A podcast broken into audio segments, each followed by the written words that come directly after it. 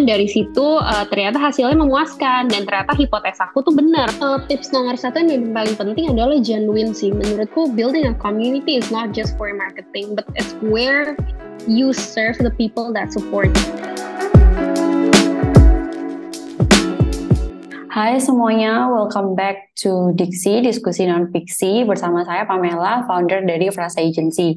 Nah, di kesempatan kali ini kita bakal banyak belajar tentang building a lovable brand, salah satunya juga tentang community marketing bersama founder dari skincare brand lokal yang sebenarnya baru aja berdiri di tahun 2020, tapi di tahun itu juga berhasil mendapatkan award Best uh, Most Innovative Brand by Tokopedia dan juga Best Acne Treatment by Female Female Daily Network. Nah, please welcome the founder of Skin Game, Michela. Hai. Hai. Hai Kak Pamela, hai juga semuanya. Thank you for inviting me. Perkenalkan, nama aku Michela. Aku adalah founder dan juga CEO dari sebuah local indie beauty brand namanya adalah Skin Game. Okay, how are you Kak? I'm good, very good. How are you? Ya, yeah, I'm good too, gitu.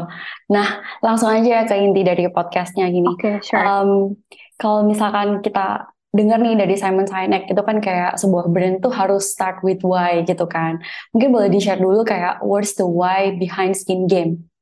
Oke, okay, the why behind Skin Game is very very simple. Jadi dulu itu aku uh, punya pacar yang seorang acne fighters dan aku waktu itu juga mengalami puberty di mana kayak wajar lah ya namanya juga puber kita jerawatan terus mulai muncul berbagai masalah kulit. At that time uh, acne spot treatment was one of my best products to go to when I have acne. Krim total jerawat ya kalau bahasa Indonesia-nya. Tapi sayangnya saat itu orang-orang masih harus ngejustip, ngeimpor atau enggak nitip teman-teman yang ada di luar negeri. Karena biasanya kita beli dari merek Korea, Singapura atau enggak Jepang atau Amerika. And of course, the price quite is kind of pricey karena ada cost untuk ngejustipnya lagi. Terus kayak kadang ngasih tips lah ke orang yang kita justipin. Uh, well, that's how I got interested. Kayak ini kan cuma krim total jerawat yang seharusnya produk sederhana dan kenapa kok di lokal belum ada produk yang bisa jadi andalan para acne fighters. That's where Acne Warrior was uh, initiated from. Jadi waktu itu produk pertama kita namanya Acne Warrior. Dia adalah krim total jerawat yang uh, tentunya efektif untuk merawat kulit berjerawat, tapi juga affordable banget, merek lokal dan juga mudah diakses. Jadi nggak perlu namanya ngejustip. Uh, sekarang beli di Shopee, Tokopedia atau di e-commerce mana pun itu udah bisa dapet gitu sih. And dan dari situ uh, ternyata hasilnya memuaskan dan ternyata hipotesaku tuh benar kalau ternyata orang Indonesia itu membutuhkan produk krim total jerawat yang mudah diakses, murah, dan juga efektif dan juga cocok untuk kulit masyarakat Indonesia. Karena hipotesa itu uh, ternyata benar, akhirnya uh, penjualannya pun melesat cukup jauh, cukup cukup baik lah ya, cukup memuaskan sekali. Nah dari situ tentunya kan kita nggak mau ya cuma bergantung sama satu atau dua produk aja, makanya kita menghadirkan juga beberapa produk lainnya yang akhirnya menjadi hero products kita juga. Gitu sih, as simple as that. Oke, okay. waktu itu preparation bikin skin game berapa lama ya kak? Sampai ya let's say kayak dari creating the hypothesis terus sampai launching kayak gitu. Oke, okay, itu a year actually, satu tahun sih. Oke. Okay. Nah, di tahun 2020 sebenarnya kan local skincare um, local skincare brand emang udah mulai banyak diminati orang-orang ya. Nah di saat itu uh, sempat nggak sih kayak ada rasa ketakutan gimana sih caranya skin game ini bisa stand out compared to previous local brand yang udah launching gitu? Oke, okay. pasti dong, pasti banget karena uh, ya namanya juga bisnis ya. It's only uh, it's only normal that we have a competitions. Jadi yang aku lakuin ya waktu itu try to be different, try to apa ya um, memberikan sesuatu yang nggak diberikan sama brand lain tentunya. Uh, di 2020 sih jujur justru itu uh, 2020 sampai 2021 itu kayak shining year-nya kita kali ya, kayak itu momen emas untuk kita. Bahkan justru sebenarnya yang paling struggling itu di 2022, di mana brand uh, brand apa ya, brand-brand lokal, brand-brand kecantikan lah yang nggak cuma lokal doang itu banyak banget masuk ke Indonesia dan kompetisi itu semakin panas dan semakin seru gitu. Cuma uh, my point of view sih justru aku ngerasa dengan banyaknya brand-brand bermunculan seperti ini, terutama brand lokal, justru itu membuka mataku kalau ternyata peluang untuk beauty industry di Indonesia ini masih sangat-sangat sangat-sangat luas banget, kuenya itu masih besar banget dan justru harusnya itu motivate kita untuk bisa even do better again karena ternyata market di Indonesia itu nggak cuma di Jabodetabek doang tapi sampai di pelosok-pelosok itu pun ternyata pengguna dan uh, pencinta produk skincare dari merek lokal. Jadi semakin banyak brand justru membuka semakin banyak opportunity juga sih. Oke, jadi sebenarnya tough competition tuh malah mungkin jadi another trigger buat local skincare brand buat makin inovasi ataupun ngelihat untapped opportunity yang lain gitu ya. Nah, benar banget. Kalau di tahun 2020 kan tadi Kak Michelle sempat mention itu shining, shining year-nya buat skin game gitu kan. Mm-hmm. What was your value back then atau kayak strategi apa sih yang dilakukan skin game waktu launching gitu jadi bisa shining meskipun competition-nya masih tough?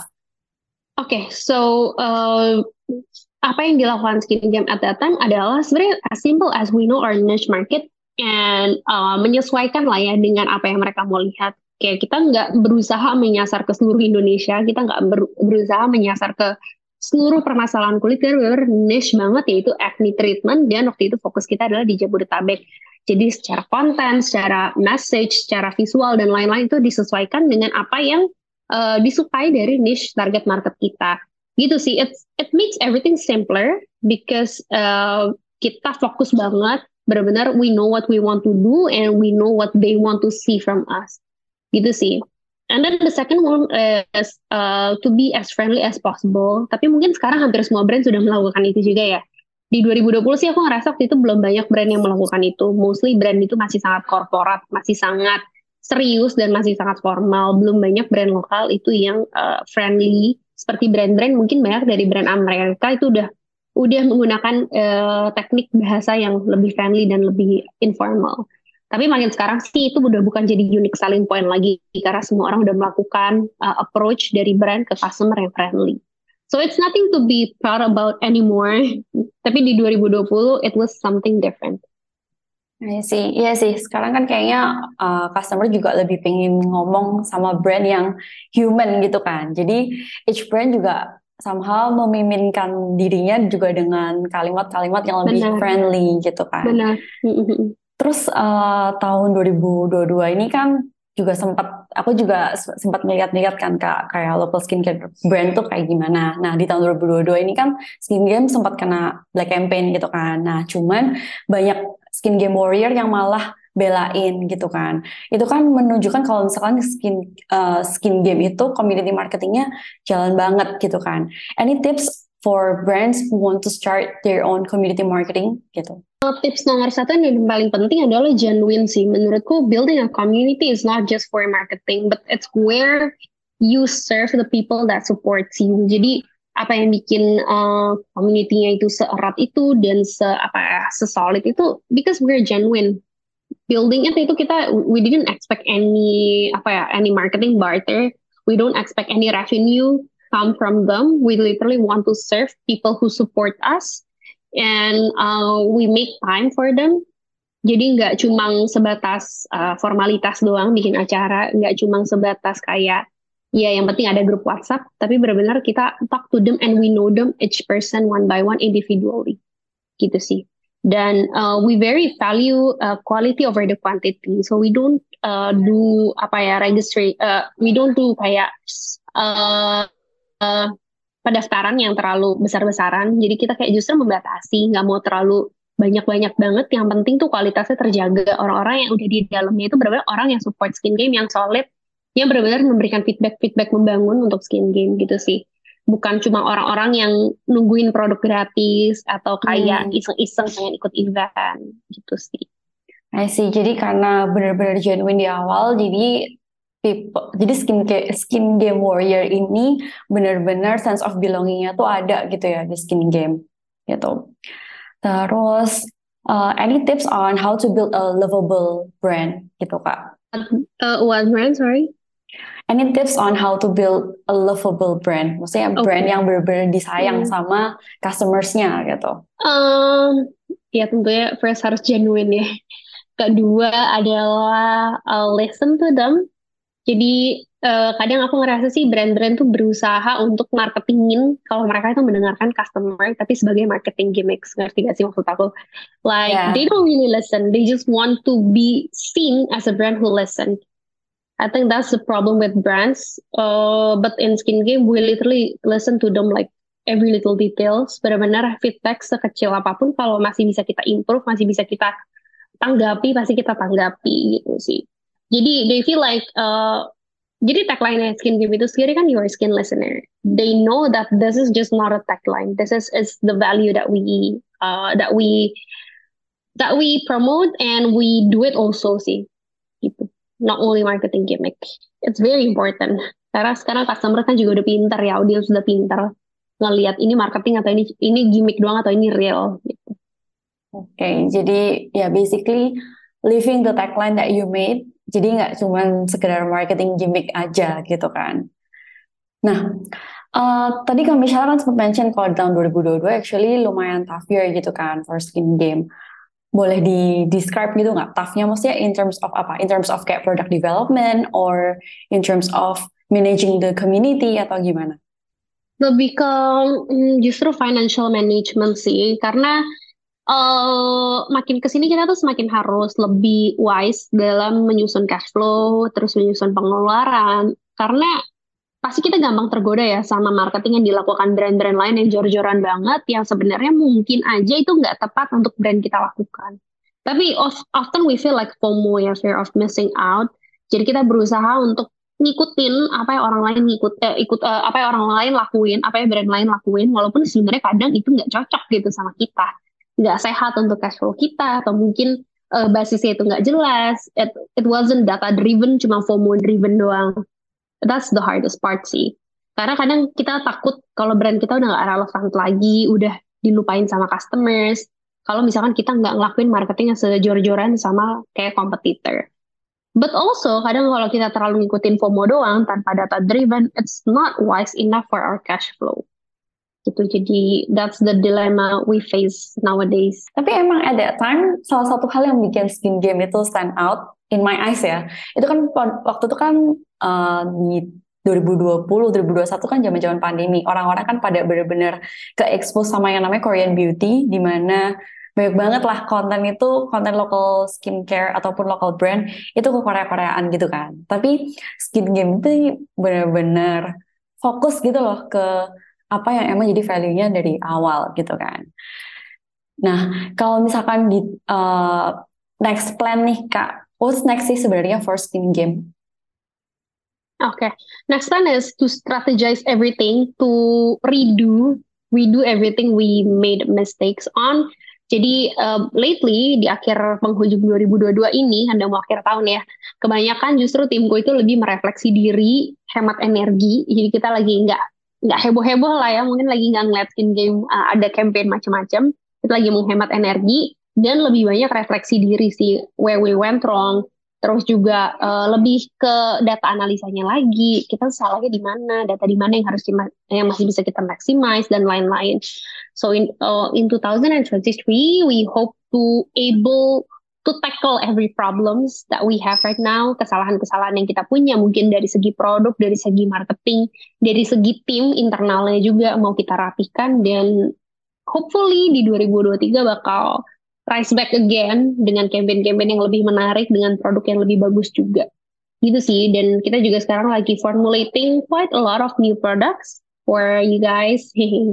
Semoga nanti teman-teman suka dan kita juga udah apa ya pengen berusaha memberikan formulasi itu yang nggak ngebosenin yang sama-sama kayak dengan brand-brand lain soalnya sekarang kan kadang sama semua ya kurang lebih yeah. gitu yeah.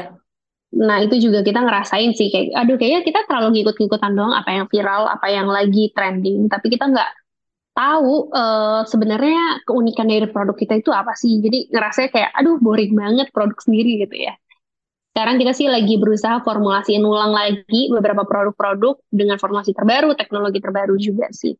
Because I believe that selling uh, skincare is simply not marketing. Jadi I feel like mm, uh, kayak salah gitu ya. Kalau kita spend too much budget justru on marketing not product development. Hmm, gitu kayak that that's what we did mungkin ya. Uh, this year kita malah jor-joran di marketing tanpa mikirin produknya masih bisa kita apain lagi. Tapi kita mikir marketingnya tuh masih bisa gimana lagi gitu. Because a good product will sell by itself gitu loh with a good marketing with an enough marketing a good product will sell will sell by itself jadi nggak perlu marketing yang mahal-mahal yang sampai gimana-gimana banget in my point of view ya. That's why di 2023 justru kita pengen fokusin budget allocation kita tuh ke product development dan marketing ya berapa persennya aja sih. Gitu.